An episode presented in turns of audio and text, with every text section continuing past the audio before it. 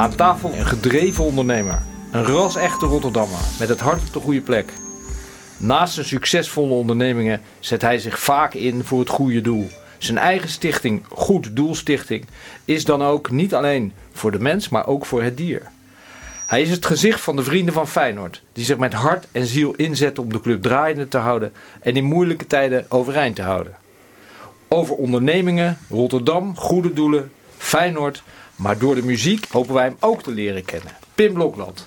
Welkom Pim. Kasper, goedenavond. Leuk dat je mij uitgenodigd hebt. Nee, geweldig leuk dat je tijd gevonden hebt uh, in de vakantie uh, om hier aanwezig ja, te zijn. Kasper kan jou niet weigeren. We kennen elkaar al zo lang, hè. De dik en dun zouden we bijna zeggen. Dat klopt, dat dus, klopt. Maar dus... jij bent geen vakantiemens, Pim?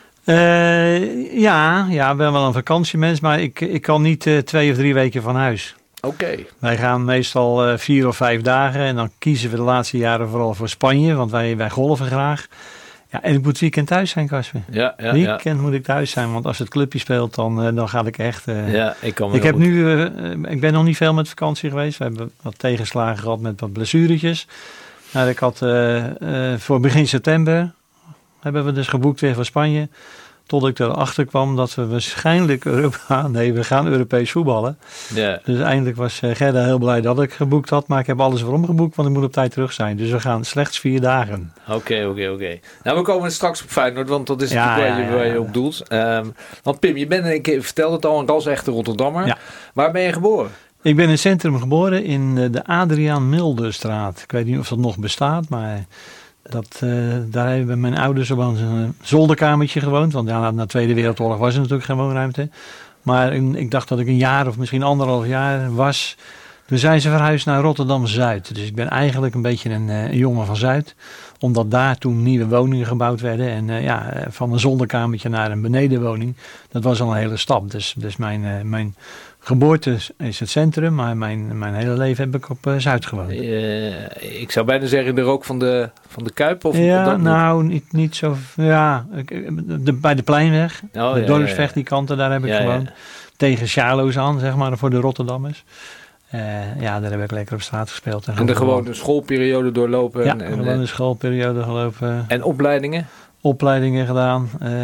op lagere school, uitblinken, middelbare school, te gemakkelijk. En uh, daarna dacht ik, uh, ja, ik moet toch wel een beetje bij gaan leren. Dus ik, ik, ik, dat, ik ga Duits en Engels studeren, dat is het hè. Maar na een jaar zei mijn vader, die bromfiets ga ik innemen. Want dat strand op Brokanje vind jij zo leuk. dat kaarten en nog eens wat. Als jij maandagavond niet een baan gevonden hebt, dan uh, kan je je melden in de bakkerij en dan kan je lekker broodjes je gaan vader bakken. was bakker? Maar, ja, ik kom uit de Oh, ja. bakkersfamilie. Mijn opa, mijn overgrootvader, allemaal bakkers. En ik uh, heb mijn vader wel slim gedaan. Die wilde niet meer dat ik bakker werd, dus die liet mij uh, als jong ventje s'nachts meehelpen. En er stond ik op de Rotterdamse manier mijn klauwen te verbranden aan die hete broden. Dus ik dacht, ja. Dat moet Pimmetje niet worden hoor, bakken. Dus uh, dat had hij wel slim gedaan. Dus. Pim, en had je al broers en zussen? Ja, ik had nog een oudere broer. Een oudere broer. Precies het tegenovergestelde van zoals ik was. Ja, ja. Dat is echt... eh, mijn vader zei altijd, volgens mij ben jij van de melkboer. Of mijn, je broer van de melkboer en ik ben eh, van de bakker. ja. ik leek erg veel op mijn vader. Ja, ja, ja. Hey, en ja, je geeft het zelf al aan. Toen ben je een baan gaan zoeken. En hoe, hoe, hoe gaat dat dan? Hoe ging Ja, dat in die tijd? die tijd, dat was eh, eind jaren 60, ja, was er geen werkeloosheid. Dus ik ging maandag in de krant kijken en ik kon eh, bij vier bedrijven beginnen. Dus ik denk, nou ja, ik begin maar. Ik weet het niet. Ik, weet, ik wist ook niet wat ik wilde. Dus ik ben toen begonnen bij de Handelscompagnie, heette dat bedrijf op de hoek van de Waanhaven. En, en ja, dan ben ik, eh, ja, wat ben je eigenlijk, onderaan de ladder begonnen. En ik heb daar een aantal jaren gewerkt en eh, die En hebben me eigenlijk... wat, hebben wat is dat onderaan de ladder? Is dat ja, je bent natuurlijk, vullen begint in die tijd, vakken als je, als je jong bent, ben je een soort loopjongen. hè. Je wordt overal voor ingezet op een eh correspondentieafdeling. Want ze dachten, hij heeft natuurlijk Duits en Engels gestudeerd. Oh. Nou, ik kon bier bestellen in die talen, maar die hield het ook een beetje mee op in die tijd. Dus, dus dat, dat, is eigenlijk wel het begin. En, ja, en dan ga je toch op een gegeven moment, na verloop van tijd, wel denken... ja, ik had toch maar beter wat bij kunnen leren. Dus ik heb daarna wel eh, wat avondcursussen gedaan, hogere bedrijfsleiding en dat soort zaken meer. Maar het, fijne van dat bedrijf was, eh, je kreeg de kans om, om overal aan te ruiken en te snuffelen en ook door te stromen. Dus ik heb dat tot eh, in de top van dat bedrijf eigenlijk ja, voor elkaar gekregen in die tijd. En toen dacht ik bij mezelf van ja, dat ondernemersbloed, weet je wel, dat zit toch in je. Ik denk, ja, wat ik daar voor die baas zit te verdienen, kan ik beter zelf verdienen. Ja. Dus ik heb de stoute schoenen aangetrokken. En van de ene dag op de andere dag eh, ben ik gestopt, ben eruit gestapt en ik ben van mezelf begonnen. En hoe oud was je toen? Hoe oud was je toen? Eh, begin 30. Ja, dus, dus ik had tijd genoeg gehad om een hoop dingen te leren natuurlijk. Dus, dus ik heb eigenlijk alles doorlopen daar, productie, eh, noem het maar allemaal op. Ja. Dus ik, het voordeel was natuurlijk, als iemand bij me kwam werken, had ik het ook allemaal zelf al een keer gedaan. Ja. Dus een vertegenwoordiger heb ik, ben ik geweest, ik, ik heb van alles gedaan. Dus als iemand wat eh, dacht dat hij slim was, had ik het zelf al een keer uitgevonden. ja. En hoe, hoe ging dat in die tijd? Als je dan zelf iets wilde beginnen, kon je dan ook naar een bank gaan, plan voorleggen, hypotheek ja, ik, ik, aanvragen? was, ik was misschien best wel brutaal, want ik, ik, eh, ik moest 100.000 gulden hebben in die tijd. Hè, want dat was natuurlijk wel een heel groot bedrag. Dus ik heb met veel telefoontjes, telefoontjes, telefoontjes, wi- wist ik redelijk hoog op de call single binnen te komen. Dat ik eh, bij een man aan tafel zat en die tegen mij zei, wat kom jij hier doen? Eh, ik doe geloof ik Unilever en Shell, wie ben jij? Dus hij zei, ik vind het zo knap dat jij bij mij aan tafel bent gekomen. En die belde iemand op van de andere afdeling. Hij zegt, je moet even boven komen, want ik heb hier iemand, daar moet jij even mee gaan praten. En ik mocht de deur uitlopen bij die grote baas. En hij zei, die man die moet je gewoon even een, eh, een kredietje geven. Want als je presteert om bij mij binnen te komen, dan heeft hij wel ondernemersbloed, denk ik. Ja, en, En ik liep naar buiten met 100.000 gulden in mijn zak. hè. Nou, ik was de koning te rijk. maar we zijn natuurlijk heel geïnteresseerd hoe je dan uiteindelijk aan tafel bent gekomen. Maar dat was door steeds te bellen en je heel groot voor te doen. Oké. Als iemand te dan belde ik iemand, ja, even iemand van de kredietafdeling. Ja, ja, meneer, sorry, maar ik wil wel iemand hebben die beslissingsbevoegdheid is. Ik ga er even niet met u Ja, ja, praten, ja. weet je wel. Eh, is uw chef misschien in de buurt? En, en zo dus- door vele telefoontjes, vele dagen. En ik had natuurlijk wel een, een businessplannetje geschreven, hè, want het is niet zomaar dat je het met twee Nee. vingers in je neus krijgt. En dat vond me waarschijnlijk goed. En men, eh, ja, ik, ik, ik ging naar buiten en denk, jee, nee. En dat plan behelst, hè? Nou ja, dat ik eh, voor mezelf ging beginnen met producten waarvan ik heel veel eh, ja, toekomstmogelijkheden zag. En met het transport, hè. In, mijn tijd Ja. werd alles met een touwtje vastgezet, weet je wel. Als je dan zag hoe zo'n vrachtwagen... En ik had eh, een Amerikaan ontmoet die, eh, die al iets bedacht had. eh, wat later de spanbanden zijn geworden eigenlijk, hè, waar ik groot ben geworden in, in die tijd. Ja. Ja, ik denk dat is het, hè. Ja. Dat is het helemaal. Ja. Want het moet allemaal sneller, het moet allemaal veiliger. Dus ik ben gewoon zomaar begonnen en eh, ik kijk wel. Dus je had zelf het idee van dat het op een andere manier zeg maar vastgezet moest worden. ja, ja, ja, ja. En waar liet je die, die banden Nou, produceren? eerst heb ik dat samen met een Amerikaan gedaan. Die had ik al leren kennen toen ik bij de handelscompagnie werkte. Eh, en, die, en die zat een beetje in die, eh, in die markt. En die zei, ja, je moet bij mij komen werken. Ik zei, nee, als ik ooit wat ga doen, ga ik voor mezelf werken. Hij zei, nou, laten we dan samen beginnen. Ja. Dus de goede man die heeft ook 100.000 euro gulden geïnvesteerd. We zijn samen begonnen. En toen kocht ik wat spullen in Amerika. Maar toen waren we twee, eh, drie jaar verder. Ik denk, eh ja, Amerikaan moet ik kwijt. Die zit lekker op zijn luie reet in Amerika. En ik werk me vier dagen in de ronde. Dus die kocht ik toen uit voor drie of viervoudige wat hij van mij had geïnvesteerd. Ja, ja, dus die had ook een aardige deal gedaan. Maar ik was gelukkig kwijt. Ik was 100% eigenaar. Oh, mooi. Toen hebben we daarna nog heel veel jaren samengewerkt. We zijn samen gaan produceren in China en Taiwan. En, op een gegeven moment gingen we naar de lage lonenlanden, om dat zo maar te zeggen. Dat was in mijn tijd eh, Taiwan. Nou, eh, gewoon een stoute schoen aangetrokken en naar Tai- Taipei gevlogen. En daar gaan kijken eh, of je kon produceren. En ik vond daar een, een Taiwanees. En ja, die kon iets maken voor mij waar ik zeg maar 10 dollar voor betaalde. En ik, ik kreeg hem zover dat het, dat het iets van 5 dollar werd. Dus ik dacht, nou, nou die, eh die Taiwanese heb ik lekker even uitgekleed, zeg. maar ik was er blij mee, want ik kocht Ja. het voor de helft van de prijs Ja. en ik verkocht het voor dezelfde prijs door. Ja, ja. Totdat ik twintig jaar later in Taipei opgehaald werd door diezelfde Taiwanese in een Rolls Royce. En dat ik tegen hem zei van, goh, ik vond het zo lullig, weet je wel, dat ik je uitgekleed had. Hij zegt, ik heb zo gelachen. Hij zegt, als je er nog 50% af wat wel dat je het ook gekregen. hij zegt, ik rijd een dikke Rolls Royce van jou, zegt hij. Ik zei, nou ja. Pim, we gaan even naar de muziek. Ja, Want we hebben, we hebben het al over Amerika gehad. Je eerste nummer is eh, van Bruce Springsteen. Eh, vertel eens. Ja, ja, ja, Bruce Springsteen. Nou, wij hadden eigenlijk, eh Gerda en ik, hè, mijn vrouw, eh, het idee om naar Amerika te emigreren. Oké. Ja, ik, was, eh, ik kwam er toen natuurlijk veel in Amerika hè, bij die, die partner of Ja. later vriend. Ja, en dat beviel me gewoon. Hè. Die woonde daar net buiten New York. En dat, ja, ik denk, ja, dat, dat, dat is het. Hè. Dus ja, eh, een paar ma leefde natuurlijk nog. Ja. eentje werd ziek en de bekende ziekte waar jij ook eh, regelmatig mee te maken krijgt. Dus dat weerhield ons er steeds van om toch maar te gaan. En ik was op mijn 45ste jaar, want dat was eigenlijk de, de, de leeftijd dat we erover spraken. Gelukkig al zover dat ik ja, bemiddeld was om, om, om rustig te gaan leven. Klinkt misschien een beetje overdreven, maar... Dus ik kon naar Amerika gaan. Ja. Ja, en, en eh, ging niet door. Toen dacht ik later wel eens, weet je wel, ik ben niet born in de USA. Nee, nee, nee, maar ik, had, ik voelde me wel een beetje Amerikaan. Dus, dus dat, dat lied van Bruce Springsteen, dat sprak mij wel aan. Born in the USA. Mooi, nou we gaan luisteren, Pim.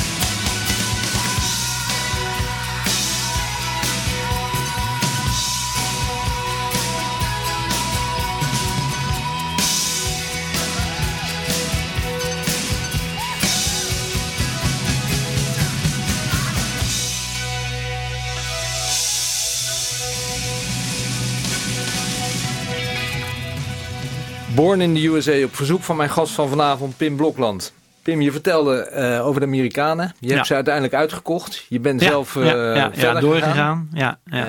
Ehm, ja, wat natuurlijk iedereen bezighoudt. Wat is het succes van zo'n, van zo'n onderneming? Wat is in zijn algemeenheid het succes van, van ondernemen? Nou, één ding kan ik je wel vertellen. Je, je bent als ondernemer zeven dagen eh, per week, 24 uur bezig. Maar ik denk ook dat eh, je moet de juiste en de goede mensen om je heen weten te vinden. Hmm. Ik, de, ik, ik, heb, ik had er wel een goed gevoel bij altijd. Want ik dacht van ja, ik hoef het wiel niet meer uit te vinden. Dat was er al. Hè, maar Hmm. we hadden zelf al een aantal producten die we zelf wel uitgevonden hadden. Maar waar ik geen verstand van had, zocht ik altijd naar hele goede mensen. En die betaalde ik ook goed. Hmm. Hè, dat ze niet zo snel wegliepen. Ja, en dat is me overal gelukt. Dus op een gegeven moment, eh, ik ben ook gewoon overal eh, zelf begonnen. Hè. Ik ben in, in Duitsland gewoon een, een pandje huren en zelf er naartoe gaan, stellingen bouwen. Eh, dat heb ik in Frankrijk gedaan, dat heb ik in, alle, in twaalf landen gedaan in Europa. Dus ik heb eh, altijd meegewerkt ook. Hè. Met drie, vier man maar in Frankrijk beginnen. En dan, als het allemaal draaide, dan ging ik weer naar het volgende land toe.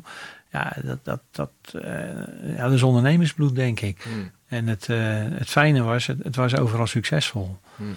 Maar eh, de, mensen die ik om me heen had, die, die voelden zich als een familie. Wel, die, eh, bij elkaar komen was leuk, eh, met de vrouwen erbij. leuke dingen doen, maar ook gewoon keihard werken met elkaar. Hè. Klaarstaan voor elkaar, elkaar helpen. Ja. En als je een goed team kan bouwen, kan je een goed bedrijf bouwen. En ja, een goed bedrijf, dan betekent dikwijls ook dat je goede centen kan verdienen. Ja. Dus Maar uiteindelijk moet, zat je in twaalf landen met hoeveel personeel uiteindelijk? Wat maximum? Ja, echt, echt aantal weet ik nog niet eens. Maar het waren wel honderden. Ja. honderden. Dus eh, ja, daar zat allemaal goede directeur op. Ja. Dus op, op het laatste eigenlijk eh, was mijn, eh, mijn taak eigenlijk om gewoon regelmatig daar langs te gaan, de cijfertjes naar te kijken en bij te sturen daar waar nodig was. Hmm. En ze kwamen gewoon ook regelmatig bij elkaar in, in Europa. Dus wat dat dan gaat, het meewerken werd steeds minder. En dat bleef allemaal beperkt tot die, zeg maar, die transport. eh, Ja, het was heel uitgebreid geworden hoor. Het was, Mm. het is, eh, eh, sommigen noemen mij Pim Spanband, omdat ik daar een beetje bekend van ben geworden in de regio Rotterdam. Maar toen ik alle bedrijven verkocht, was het een heel, heel uitgebreid programma. En eh, bijna aan elke vrachtwagen die ik nog zie rijden, denk ik, hé, hey, er zit nog iets in wat, eh, wat bij mij vandaan is gekomen. ja, hè. ja. Al die profielen die je in die zijwanden van die vrachtwagens ziet. Hè. Maar ook in de luchtvaart. eh, ja, eh, veilig vastzetten is eigenlijk een beetje heel, heel, heel uitvoerig. Dat is niet alleen maar een touwtje van spanbandje. Nee, want we praten van 1984 tot 2006, toch? Dat je, Eh actief bent 2007 heb ik zo'n beetje alles, alles verkocht in. Europa. En, toen, en wat is uiteindelijk het moment geweest dat je besloot... Jongens, het is genoeg, ik verkoop alles. Ja, weet je wat het is? Ik was nooit thuis. Hè? Ik was altijd onderweg. En dat gaat je op een gegeven moment toch een beetje opbreken. Dat je denkt van ja, Ja. Eh, je bent getrouwd en, en, en je bent nooit thuis. Dus ik had eigenlijk ook tegen Gerda gezegd van nou, als ik een lekker de boel, dan gaan we even eh, tijd inhalen. Dan gaan we echt tijd inhalen. Dus ik had een, eh, op mijn vijftigste verjaardag had ik eh, alles verkocht aan de Amerikanen. Eh, ik zou stoppen, ik werd 50 jaar. Gerda had Hulskampgebouw afgehuurd met artiesten, met alles, al het personeel kwam. Feest geweest en twee dagen daarna kreeg ik bericht uit Amerika dat alles ingetrokken was en het ging niet door. Hmm. Dus ik moest weer aan de slag. Nou ja, dat was wel even een tegenvalletje. En dan is de motivatie een beetje, beetje Ja. weg. Dus een paar jaar later eigenlijk hebben we toch een partij gevonden die, eh, die allemaal, de meeste bedrijven, niet allemaal, van me over konden nemen in Europa. En eh, dacht ik rustiger aan te gaan doen. En daar komen we zo, want dat is niet helemaal gelukt, geloof ik. nee, maar ik kwam ook mede door Gerda. Want ik dacht natuurlijk toen ik thuis was, ja. dat ik nog één secretaresse over had gehouden. Maar Ja. dit blijkt niet zo te werken. Nee, nee, nee, we komen er zo. Ja. Pim, je volgende verzoek is eh, Van Morrison, Brown Eyed Girl. Vertel. Ja, ik, toen ik jong was, weet je wel, was net de periode dat eh, blond en blauwe ogen, dat was het, hè. Dus, dus als jonge jongen keek je daarnaar. Nou, en je kan het wel raden. Ja. kwam Gerda in mijn leven. Nou, die kwam wel in mijn leven, maar we bleven toch bij elkaar. Maar Want hoe heb je Gerda ontmoet? wij hebben eigenlijk op de, samen op de middelbare school gezeten. En toen kenden we elkaar van feestjes. Ja. En dan hadden we een grote groep. En eh, de, de feesten werden meestal mij thuis gevierd. En mijn ouders waren heel erg eh, makkelijk in die dingen. En die groep is een beetje uit elkaar gevallen, weet je wel. Als je dan Mhm. na de schooltijd. En dan kwam Gerda weer tegen. En eigenlijk, ja, bleven we aan elkaar hangen. Ja. En Leuk. ja, toen ging het liedje natuurlijk over bruin uit. eh, hij is van zijn bruine ogen namelijk. Ik denk, nou, Mooi. dat blonde en blauw vergeet ik maar. Ik doe het maar met de bruine ogen en dat weet Gerda. We gaan luisteren, Van Morrison.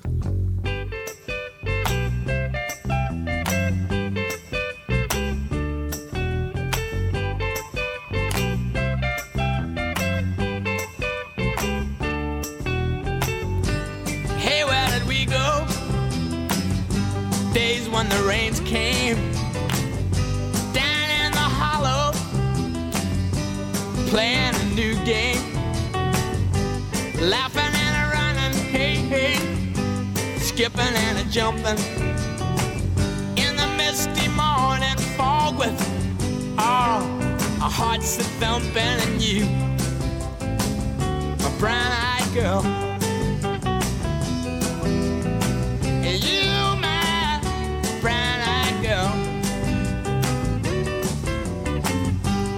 And whatever happened to Tuesday and so slow? Gone down the old man with a transistor radio. Standing in the sunlight laughing, hiding behind a rainbow's wall. Slipping and sliding all along the waterfall with you. My brown-eyed girl.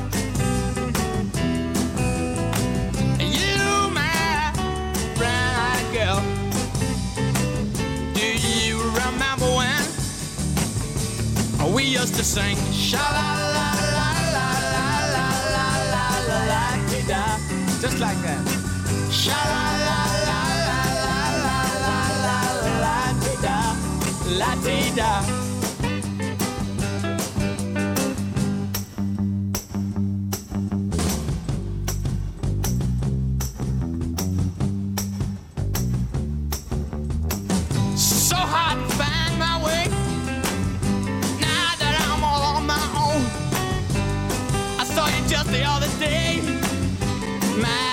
you have grown.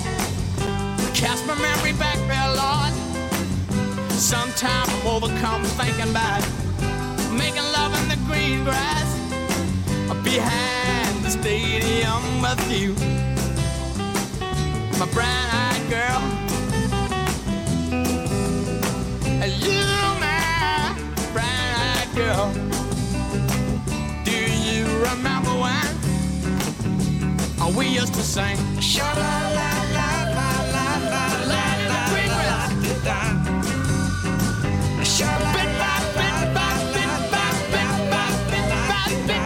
Sha la la la la la. Sha la la ti da la ti da la ti da da da da da da da. Prachtig nummer van Van Morrison, Brown Eyed Girl. Op verzoek van Pim Blokland voor zijn lieve Gerda.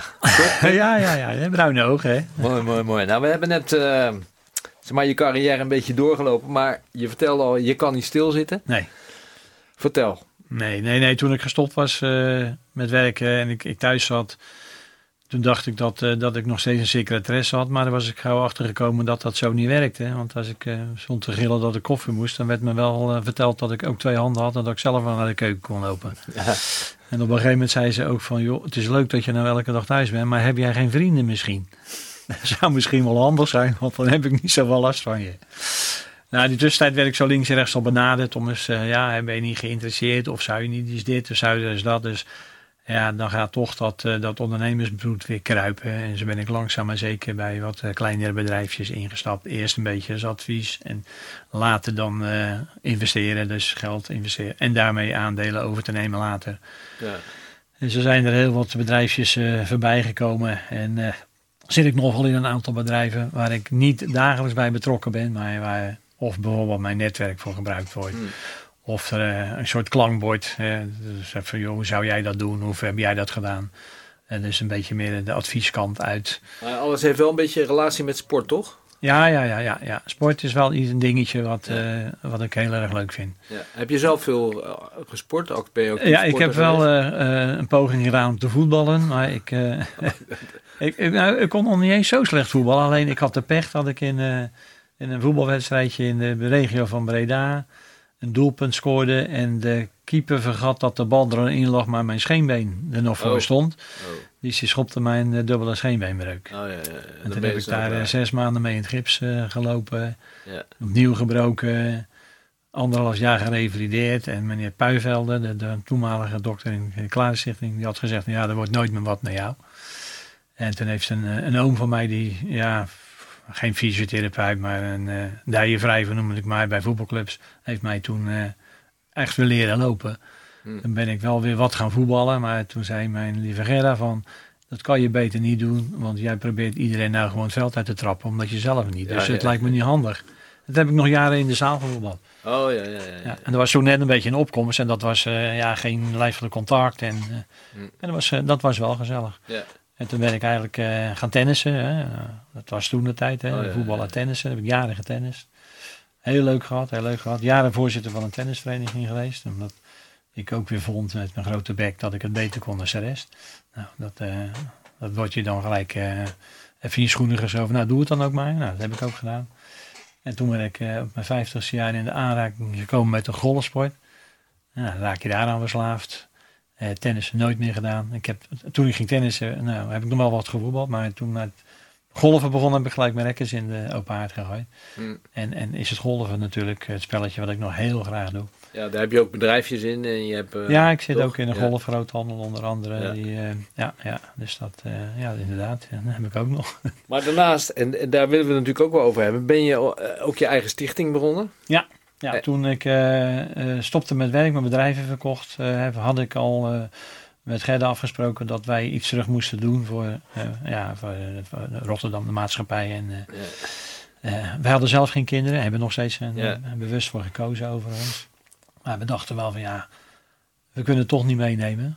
Laten we kijken of we daar een, een hoop mensen mee kunnen helpen. Ja. Dus we hebben een goed doelstichting opgericht.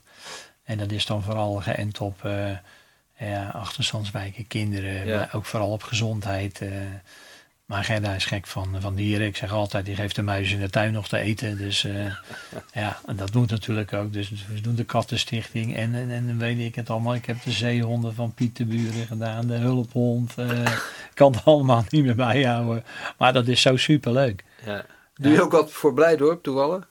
En Nou, nou ik, ik, ik ken eh Zevenberg natuurlijk ook. Ja. En ik, de laatste tijd, ik heb hem een tijdje geleden weer eens gebeld. Ik heb wel een heel klein beetje van begeleiden van hem, niet veel. En ik wil het eigenlijk ook best wel doen. En ik ga het er ook zeker wel doen. Maar door de drukte van de laatste tijd is het er niet. maar ik heb wel een keer met hem afgesproken dat ik binnenkort wel even met hem ga zitten. Want ook voor Blijdorp vind ik het natuurlijk leuk. Ja, ja, Ja, echt Rotterdams Blijdorp, joh. Ja, je, je- al die stichtingen die je ondersteunt, dat heeft wel zijn hart in Rotterdam, toch? In het Eh, algemeen? Of zijn er, nee, dat net over. Pieterburen. Nee, dat hoeft niet altijd zo te zijn. Maar het, ja, het merendeel ligt wel in de regio. Ja. Omdat we het ook dikwijls leuk vinden om er zelf bij betrokken te zijn. We zijn niet eigenlijk, eh, ja, ik kan gecharmeerd vind ik niet het juiste woord, want het, is, het zijn acht goede doelen ook. Maar als het zo groot is, Ja, ja, ja, dan is het van nou stort even, weet je wel, en dan eh, bedankt. Een bodemloze put. Ja, maar wij vinden het veel leuker als eh, dat we wel eens eh, een kinderkamer bijvoorbeeld helemaal hebben ingericht. En dat we dan bij het kind gaan kijken hoe ze het dan wint. En dat, dat zijn dan leuke dingen. En, en, en een hulphond, dat je iemand die dus niet in aanmerking komt voor een hulphond, dat je die dan toch een hulphond kan schel- schenken. En dat je dan ziet hoe gelukkig dat die mensen daarmee zijn. Dat vinden we echt leuk om te doen. Dat vinden we leuk. Dus je hebt, niet bepaalde, je hebt niet bepaalde criteria die je aanlegt om, om, om goede doelen te ondersteunen. nee. maar als ze bij ons komen, dan, eh, dan leg ik het ook bij, eh, bij ons bestuur neer. Hè? Want ik heb uiteraard een bestuur. Oh, je hebt een bestuur van de stichting. Oh, ja, ja. Dat moet wel. Hè? Dan mogen wij ook de meerderheid niet in hebben. Dus, dus wij eh, hebben alleen het voordeel dat het hele goede vrienden zijn. Dus dan is de beslissing toch eigenlijk al gemaakt. Maar dan leggen we het er ook bij. En die komen natuurlijk ook met, met ideeën. Hè? Van, joh, heb je daar eens naar gekeken? Vind je dat niet leuk? Ja. Eh, nemen we een contact op en dan kijken we eventjes eh, ja, naar de achtergrond van. En wie zijn erbij betrokken? Eh, waar gaat het geld naartoe? Hè? Want als er een directeur op zit met twee ton, dan zeggen we nou dankjewel, maar daar hebben we geen zin in. Nee. Dus dat, daar kijken we echt Ja. wel even goed naar. En dan willen we... En, en je had het net over de achterstandswijk in Rotterdam. Heb je, want ik bewonder altijd onze burgemeester, hoe hij zich daarvoor inzet. Heb je daar ook contact mee? Of heb je- Eh, ja, ja, we kennen elkaar, we kennen elkaar. Maar ik ben Ja. toen natuurlijk begonnen met de Rotterdamse sporticonen eh, Oh, op ja, te ja. richten. En dat, daar heb ik ook juist eh, veel werk gedaan om de achterstandswijken, om de kindertjes op die scholen ook aan het sporten te krijgen. Vertel even voor de luisteraars wat het precies inhoudt, de sporticonen.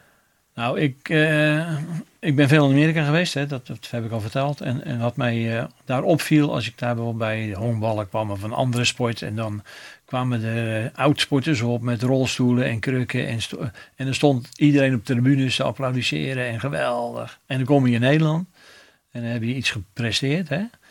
En dan zijn ze je na één jaar vergeten. En als je dan nog een keertje iemand tegenkomt, dan ben je een klootzak, een zakken willen, komt het er geen goed worden uit. Dan denk ik, ja, Mm. dat moeten we anders doen. En ik was toen al zijdelings betrokken bij de Koemelijn Memorial voetballen. En, en, eh, je had toen ook de Beb van Klaver Memorial. En toen zei ik eigenlijk van, eh, eigenlijk als je nou, waarom weet nou iedereen wie Beb van Klaver is? Omdat we al 25 jaar zo'n evenement hebben. En iedere Rotterdammer weet dat een oud-bokser is. Ik zeg, eigenlijk zouden wij met eh, sporters die nu nog actief zijn, daar moeten we iets mee gaan doen. Eh, zodat de kinderen naar, naar, ja, naar kunnen kijken en zeggen: Oh, dat vind ik leuk, dat wil ik ook. Maar dat ze over 30 jaar nog zeggen: Oh, joh, Stefan de Vrij, is dat niet? Die hebt toen bij Feyenoord gevoetbald, weet je wel? Ja, dat is een hele bekende voetballer. Weet je. Oh, Strootman. eh. En dat heb ik opgepakt met een paar mensen, een paar zakenmensen in Rotterdam. Leuk. En wij hebben daar eh, wat centjes voor bij elkaar gelegd. Ja, we zijn begonnen en het resulteerde op laatst in eh 18 evenementen met de duizenden kinderen die daar bijna Met name uit die achterstandswijk. ja, die, aan het begin hadden we daar natuurlijk niet zo, nou, niet zo wel erg in. Hè? Want zo kwamen uit heel Nederland. Maar op een gegeven moment denk ik van ja, waarom doen die kinderen uit de achterstandwijk eigenlijk niet mee? Dus we hebben toen die schooltjes eh, bezocht en, en, en links en rechts is geïnformeerd. En ja, dan hoor je van, ah, die hebben geen geld en die kunnen dit niet. die kunnen- Ja, hallo, kom op. Ja. En ik heb zelf dus ook een, eh, een sportkledingbedrijf, hè, Club Sportswear, Ja. wat ook van mij is. Ja, daar ligt het hele magazijn vol met shirtjes en broekjes. En, eh, dus ik zei tegen die schooltjes van, we kleden jullie aan, dat krijg je allemaal van mij. En als je allemaal hetzelfde shirtje aan hebt en je loopt op dat veld, dan weten die andere kinderen niet dat je van de voedselbank bent of van een achterstandsschooltje. Dan ben je een volwaardig voetbalteam. Hm. En alles wat je krijgt mag je houden. Dus die kinderen hadden allemaal gelijk een shirtje. En zo hadden we eh, heel veel kinderen die eigenlijk nooit konden sporten of nergens kwamen, die we aan het sporten hebben gekregen. Hè. En ja, bewegen, eh, je weet het, eh, Ja. heel belangrijk. Het merendeel van de kinderen in Rotterdam sport helemaal niet. Hè. Te weinig in ieder geval. veel te weinig. Ja. Alleen ja, we hebben natuurlijk eh, corona gekregen en daarmee is eigenlijk het hele project eh, een beetje in de vergetel Ja, geraakt. En, en ja, zonde. ja, zonde. Eh, ik denk dat een heleboel instanties in Rotterdam, en dan denk ik ook aan de gemeente en misschien ook aan meneer Abu Talib, maar ook aan Rotterdam Sportsupport en, en, en sport. al, alle, iedereen wil eigenlijk toch wel dat het weer doorgaat. Ja, ja. Dus ik ben toch wel bezig om het. eh, Ze hebben binnenkort weer- weer wat te doen. ja, binnenkort wel weer wat te doen. Ja, ja. Pim, we gaan naar je volgende nummer. Julio Iglesias en Willy Nelson. Vertel. Ja, dat was leuk joh. Want in Amerika, ik, ik, ik had niks met country music natuurlijk. Hè. Dus ik was een keer in Amerika en toen zeggen ze Willie Nelson. En er stond er een of andere oude lul met een paardenstaart. Ik zei, wat is dat nou toch ontstaan? Dan ging ik naar een concert, er staan er een paar honderdduizend man. Die staan daar gewoon naar hem te luisteren. Ja. Dus ik kwam terug en ik denk, ja, Nelson, Willie Nelson. Ja, niemand van gehoord en ik vond het zo leuk. En verdomd ineens hoor ik ineens Willie Nelson met Julio Iglesias. Ja, Ik denk, ja. nou dat is het. ja, mooi. Dus toen wist iedereen ineens wie Willie Nelson was. Ja. ja, zeker. Een bekende, Ja, dat is Amerikaan. bekend Ja, geworden, zeker. ja. ja. We gaan luisteren, Pim. Ja. Julio Iglesias en Willy Nelson.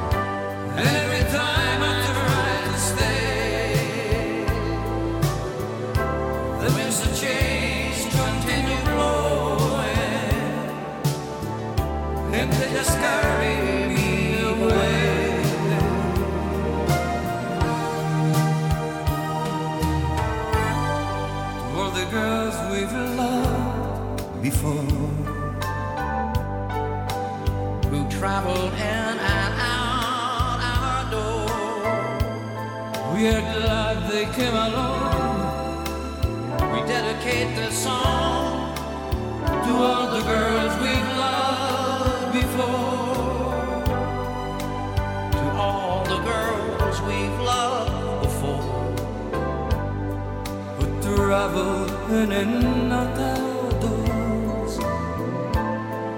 We're glad they came along. We dedicate this song to all the girls we've loved before. Prachtig nummer. Pim. Julio Iglesias, Willie Nelson, Ja. ook nog uit je Am- Ja, ja, Nel- Nelson ben ik een fan van geworden. Iglesias vond ik een mooie zanger. Maar, maar Nelson heb ik een heleboel eh, cd's van gekocht in die tijd. Ik vond Ja, wel ja, echt leuk. ja, mooi. Ja. Hey, we hadden het over je goede doelen. Ja, Ja. Het is natuurlijk geweldig hoe je je inzet eh, voor Rotterdam. Eh, dat Ja. komt ook, ja, zoals we al gehoord hebben, omdat je hier natuurlijk geboren en Ja, getogen bent. geboren en getogen. Hoe kijk je op het ogenblik tegen Rotterdam aan als stad? Ja, weet je wat het is? Als je erin woont, zie je eigenlijk niet hoe mooi de stad is. Hè? Nee. Ik, heb, eh, ik heb nog wel eens wat buitenlandse relaties over. En die jaren geleden in Rotterdam eh, eh, bij me zijn geweest. En die maken mij dan altijd op patent. Weet Ja. je wel? Ja, naar de skyline kijken, de gebouwen. En, en ja. Ja. dat is natuurlijk, wat ik al zeg, als je erin woont, merk je dat eigenlijk niet. Nee. Hetzelfde als je. Eh, Nederland is een mooi land. Hè? Er zijn zoveel mooie dingen in Nederland. Ja. Waar we nooit geweest zijn, omdat we allemaal naar ver weg is dan moeten. En we moeten overal, maar we vergeten waar we wonen. Klopt. Pim, en als je dan je gasten hebt, rij je dan ook naar Zuid, naar de Kuip? Als ik, als ik met, ja, ja, ja, ja, ja, ja, ja. ja. Hey, dan komen we automatisch natuurlijk bij, bij je grote liefde. Hoe is die zo ontstaan? Van Feyenoord? Ja. Nou, kijk, mijn vader was, ik had al gezegd, we komen uit de bakkersfamilie, dus was Ja. keihard werken, zes dagen in de week. En, en hij had één ding, voetbal. En eh, hij ging elke zondag de ene week naar Feyenoord en de andere week naar Sparta. En eigenlijk om Sparta te zien verliezen, want dan had je nog geen Feyenoord Ajax, dan was Feyenoord Sparta. En dan gingen we naar Puk van Heel, dat was een oud voetballer van Feyenoord, had een café. En dan ging mijn vader met zijn vrienden eerst even een borreltje drinken of een biljartje maken. En dan mocht Pim mee en die zat dan onder het biljart met een, nou je weet het wel, een bekende verhaal. Ik mocht met papa mee. Ja. Ik was misschien een jaar of zes. En dan ging ik op de schouders en dan eh, zaten we in het stadion naar voetballen te kijken. Eh, ja, dan, dan, ja, dan hoor je natuurlijk Feyenoord, dat kan natuurlijk niet anders. Want, Ja. want ja, het, het is met de paplepel ingeroden. Dus daardoor ben ik eigenlijk, eh, ja, toen de tijd al, toen ik mocht reizen met eh Europa Cup wedstrijden mee natuurlijk, als het kon. Eh, echt voor de sigarenwinkel. eh, 12 uur in de slaapzak gelegen om aan een kaartje te komen en al die dingen. Dat zijn hartstikke leuke dingen als je er later over nadenkt. Ja, Ja. en, en heel weinig wedstrijden overgeslagen. Wel eens periodes dat ik natuurlijk te druk met werk was, maar ik heb eigenlijk vooral eh, de buitenlandse wedstrijden bijna allemaal wel eh, bezocht. Dat vond ik eigenlijk wel een aparte belevenis. Ja, ja. Eh, maar dan, en wel tussen de supporters, weet je. Dat ik, eh, en Daar sta je altijd wel tussenin, hè? Je bent altijd wel ik een supporterman. eh, ja, ik ben wel voor eh, de supporters. eh, dat, eh, dat was binnen Feyenoord ook wel bekend. we zijn ook de laatste keer natuurlijk in, bij de, de Conference League finale geweest. Hm. Dan word ik uitgenodigd om bij het bestuur te komen. Dan zeg ik nee, ik blijf lekker bij de supporters. Want daar voel ik me ook Ja. echt thuis. Ja. Wel, dat vind ik dan veel leuker. Nou, want je het maakt natuurlijk deel uit al jaren, daar kennen de meeste mensen je ook van, van de Vrienden van Feyenoord. Maar Ja. wat, wat is eigenlijk de Vrienden van Feyenoord? Wat, wat is dat? Is, heeft dat een stemrecht? Heeft dat een Ja, nou, nou wij zijn natuurlijk... Eh, een- Wij zijn een, eh, een grote aandeelhouder. Feyenoord heeft twee aandeelhouders. En dat is eh, Feyenoord zelf natuurlijk, voor 51 procent. En wij zijn de 49 eh, andere procenten. Dus wij hebben ook twee commissarissen in de raad van commissarissen bij Feyenoord, twee van de vijf. En we hebben twee eh, eh, mensen die in de stichting continuïteit zetten, het STICO, waar het gouden aandeel in zit. En daar zit ik zelf trouwens ook in. En dat Ja. is gouden aandeel? Want dat, Ja, dat die be- beslissen eigenlijk eh, over de kleuren, over het logo, waar we Oh, voetballen. Dus echt, echt het echte Feyenoord gebeuren. Ja, dat lijkt me niet zo'n moeilijke taak, toch? Dus Ik denk dat er gevoetbald wordt op het gras in de kuip. en dat de kleuren en wit shirtje keuren, shirtje keuren. bijvoorbeeld, Oh, ja, waar we volgend jaar weer in uit gaan spelen.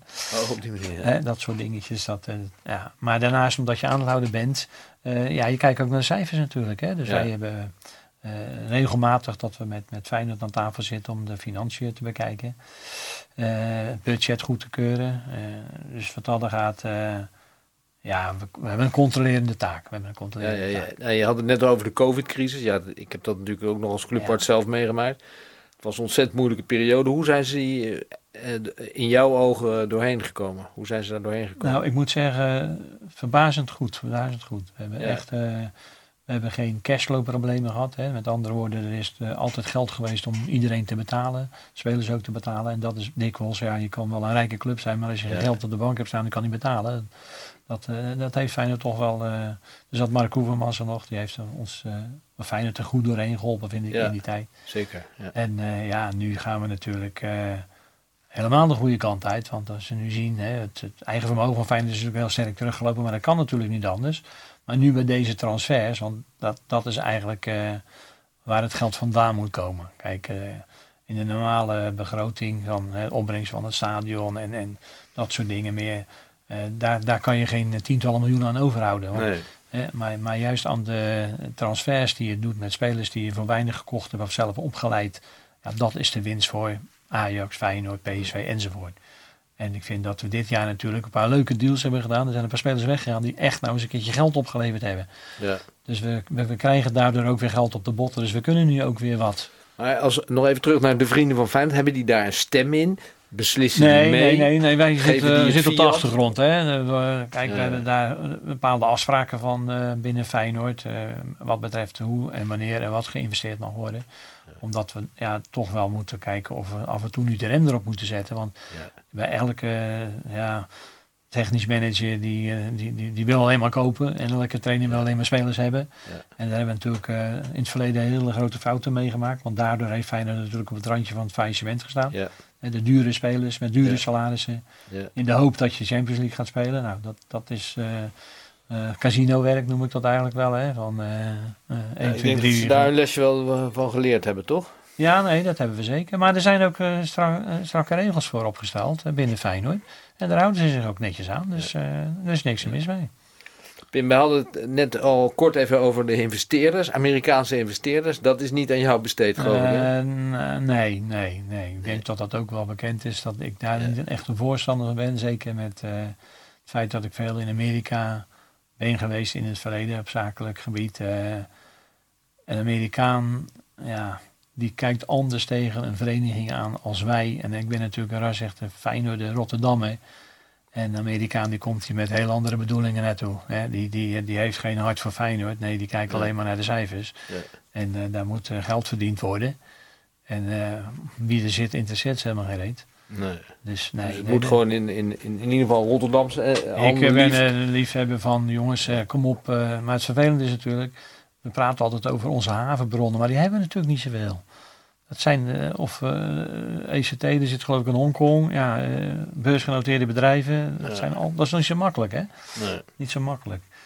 Maar er zijn ongetwijfeld, er zijn echt mensen in Nederland, niet alleen in Rotterdam, want de meeste vrienden van Feyenoord komen niet uit Rotterdam. Hè, je zou zeggen, dat zijn allemaal Rotterdammers. Dat is absoluut niet het geval.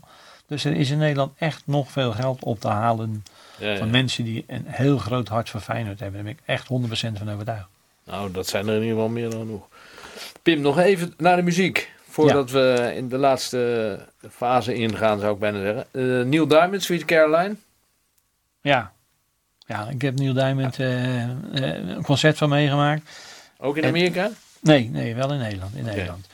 Maar eh, ja, als ik dan Neil Diamond hoort, weet je wel, dan denk ik gelijk van mijn Feyenoord. Oh, oh, oh. dat zit achter. Ja, dan denk ik die Neil Diamond hoort er wel in. Want eh, dat is eigenlijk eh, Heel goed, heel goed. een We half, Feyenoord liedje geworden, We toch? gaan luisteren. We gaan luisteren.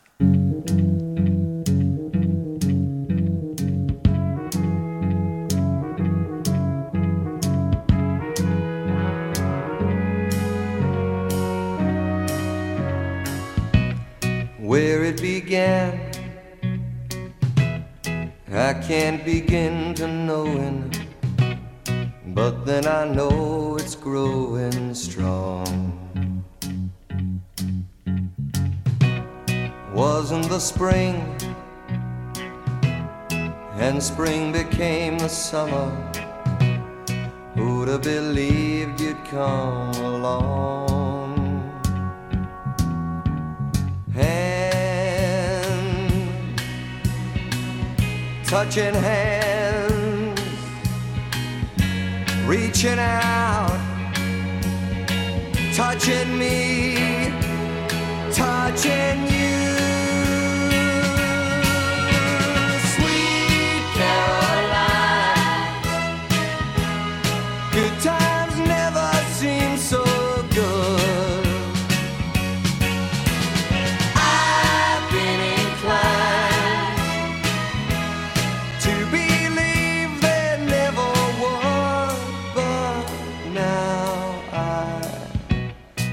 Look at the night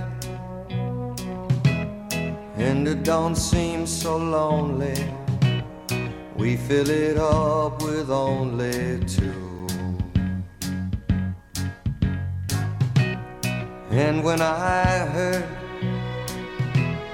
hurting runs off my shoulders.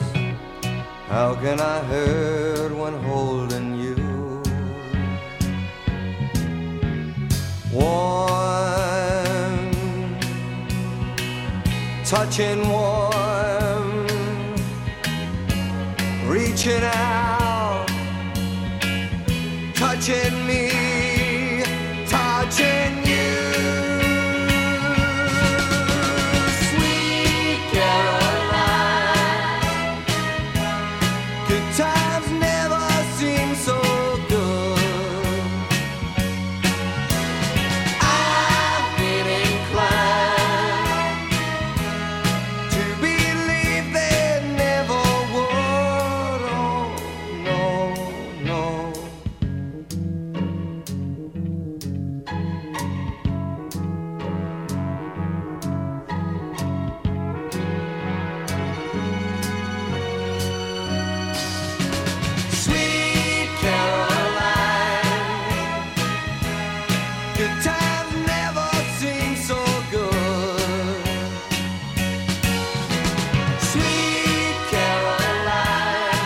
We kunnen natuurlijk er niet omheen. Hoe gaat het seizoen van Feyenoord eruit zien? Ik heb altijd geroepen, als Feyenoord moet je voor het kampioenschap gaan. En dat werd me niet altijd in dank afgenomen. Dan zei ze, ja, dan gaan ze natuurlijk weer strooien met wie de hoogste budget heeft. Nou, dat vind ik gelul. Ja. Je moet gewoon als Feyenoord de mouwen oprollen en er tegenaan gaan. En eh, Europees voetbal haal je altijd met dit team. Maar je moet een keer Champ- Champions League halen. ja. Dus tweede is eigenlijk een hele grote prijs. Maar ja, altijd voor de eerste plek gaan. Dat heb ik altijd gedaan. Ik ben Maar je hebt er ook vertrouwen in, wat er allemaal gekocht is. Ik moet zeggen wat er nu de laatste weken gebeurd is. Want ik zat me toch een beetje te denken, nou, nou, nou, gebeurt er nou nog wat? Ja. Eh, en plotseling in een dag of vier, vijf tijd hadden we er vier spelers bij van een goed niveau. Hè? Dat is wel even belangrijk. Want je kan natuurlijk wel kopen, je kan er wel een oude lul bij halen die eh, vroeger misschien ergens hoog gevoetbald heeft. Maar Ja. nu hebben we lekker jonge gasten erbij. Ja, die kunnen alleen maar beter worden en veel geld opleveren voor Feyenoord. Ik hoop En het, ik, ik, hoop eh, het, ik hoop het. Ja, Het ja. zou prachtig zijn. Ik hoop eh, negen punten in Rotterdam dit weekend. Ja, Beginnen vanavond. Appeltje, eitje. Toch? Appel- Appeltje, eitje. we zijn zeer benieuwd. Pim, geweldig bedankt voor je Ja, komst. Was leuk. ik denk dat de luisteraars je echt goed hebben leren kennen op deze manier. En eh, ja, ik zou zeggen, maar daar kijken we allemaal naar uit. Ontzettend veel succes eh, Dankjewel. met alles. Dank je. Dankjewel.